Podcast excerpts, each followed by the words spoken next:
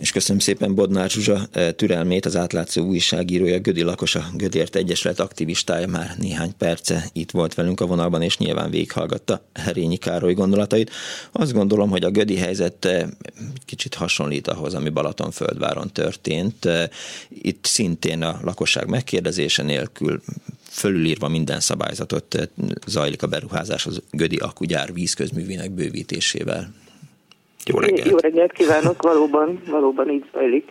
Mi, mi történik most eh, Göt környékén? Mi az, ami miatt az átlátszó uh, szolgálatba helyezte magát, és megpróbálta kideríteni, hogy mi a baj, mi van azokkal az ígéretekkel, hogy, hogy a gödi lakosság nem fog szívni az akugyár miatt?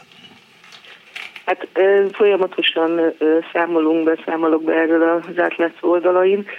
Most éppen arról írtam, hogy a vízi közműfejlesztés, amit ugye a Mészáros és Mészáros ZRT végez, ki más végezne, 32 milliárd forintból, bár valószínűleg az összeg emelkedni fog.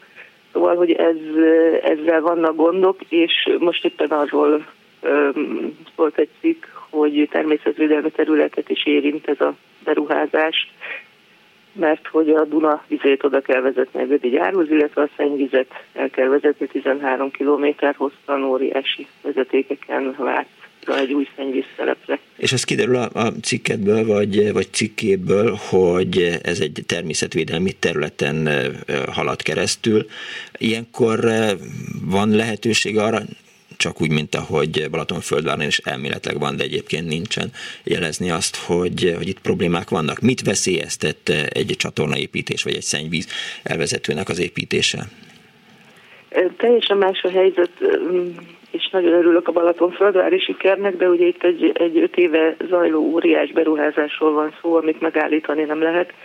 Sőt, itt a vezetékek ügyében eredményesen küzdött a lakosság azért, hogy ne az aszfaltok uh-huh. felbontásával és az utcák között és a Szöldligeti iskola mellett közvetlenül vezessék el az ipari szennyvíz vezetéket.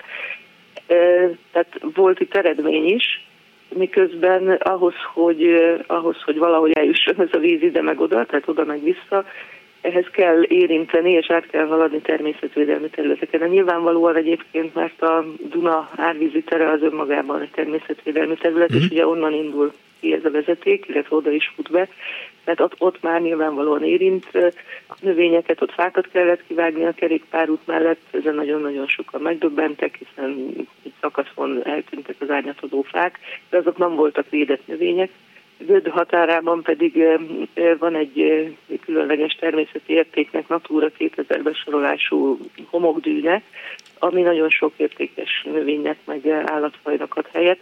Na most nagyon szeretném hangsúlyozni, hogy a Nemzeti Park munkatársai szerintem mindent megtettek, amit lehetett ebben a helyzetben, ahol a kormány diktál és a kiemelt beruházás diktál, hogy minél kevésbé veszélyeztesse a Natura 2000 területet ez a, ez a beruházás csak ugye nem lehetett elkerülni, mert Gödés környék ez egy gyönyörű terület, tele van ilyen értékes részekkel, tehát muszáj, hogy érintse másfél kilométer hosszan ezt a Natura 2000 területet ez a, ez a beruházás.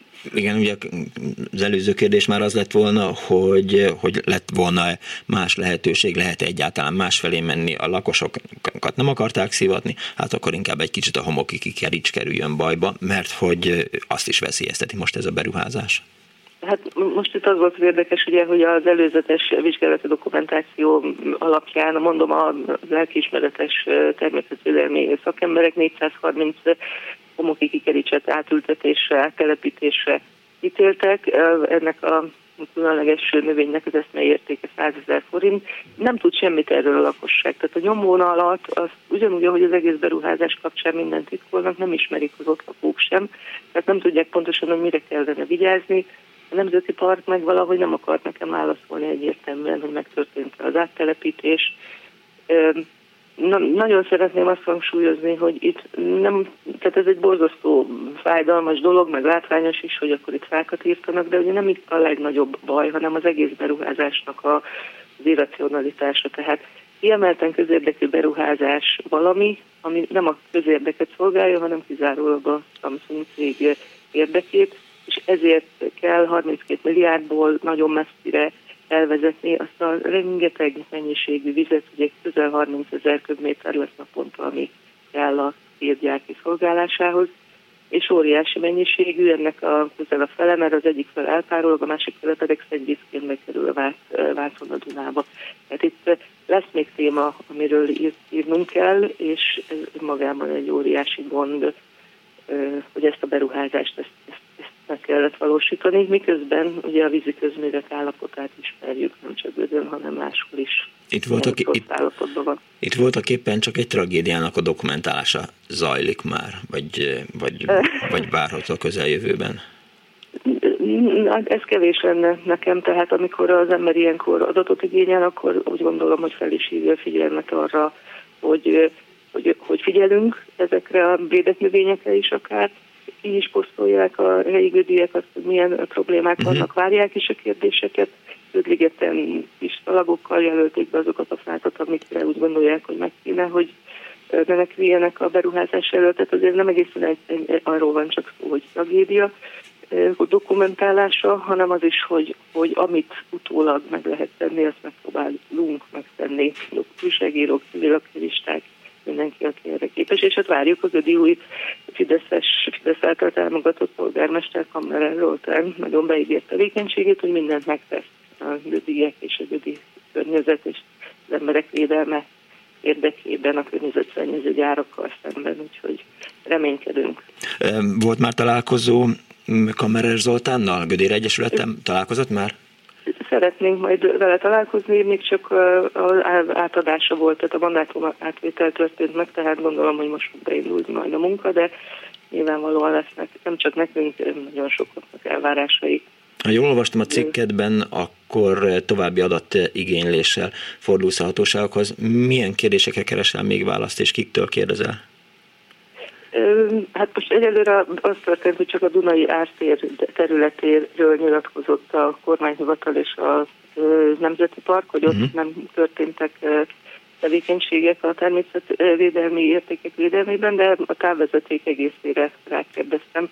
De nagyon sok adatigénylés van benne, ugye itt, ahogy említettem, a, a szennyvíz ügyében a parti szülésű kutakat megnyitották, ami, amik el voltak szennyeződve 40 évvel ezelőtt ebben az ügyben is nyomozunk, tehát nagyon sok olyan kérdés van, nem beszélve azról, arról a kérdésről, hogy a monitoring kutaknak, a beígért monitoring kutaknak a létesítésére mikor kerül sor, mert egy sincs előre a Samsung gyár területén, tehát nem vizsgálják a felszín alatti vizeket és ezeket mind-mind nyomozzuk tovább. Be fogunk számolni ennek a nyomozásnak az eredményéről. Nagyon szépen köszönöm Bodnár Zsuzsának, az átlátszó újságírójának, Gödi Lakosnak, a Gödért Egyeset aktivistájának, hogy rendelkezésünkre állt, álltál. További szép napot, viszont hallásra!